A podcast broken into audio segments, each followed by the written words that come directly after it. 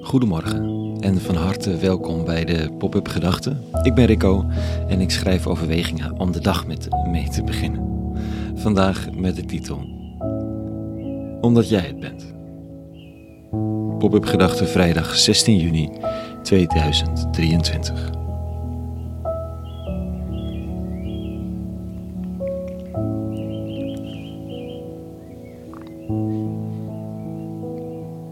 Waarom hoor ik de vogels fluiten en zie ik de zon het groen verlichten?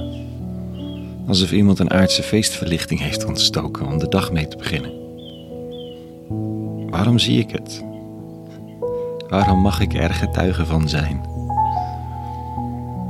Iemand heeft het gras getooid met dauw alsof de tafel staat gedekt voor een feest.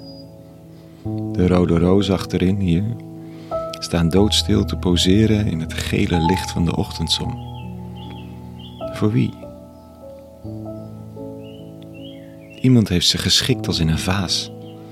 Ze staan te groeien aan de andere kant van de tuin, nu in de spotlights van een nieuwe dag.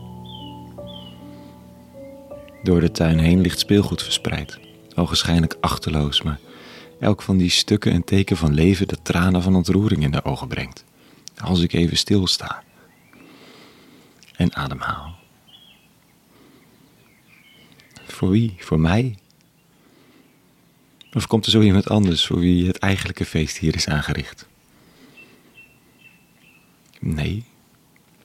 De anderen slapen nog. Dit tafereeltje, wat niet te vangen is in foto's of Instagram reels, omdat het zo gewoon zou zijn, is als een feesttent voor een jubileum, terwijl het gewoon vrijdag is, een willekeurige vrijdag.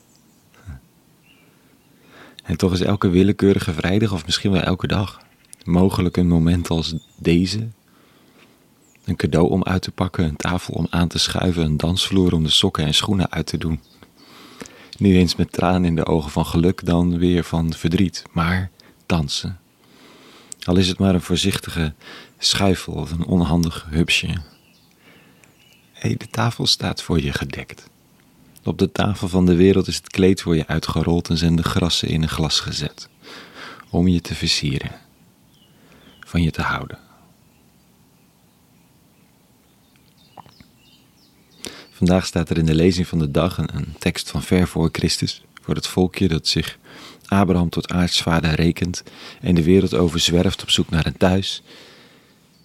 En dan zegt Mozes tot het volk: U bent een volk dat aan de eeuwige uw God is gewijd. De eeuwige uw God heeft u uitverkoren onder alle volken op aarde, om hem een eigen volk te zijn.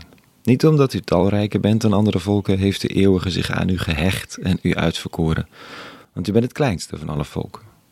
Maar omdat de eeuwige u lief had. Zo simpel, omdat je geliefd bent.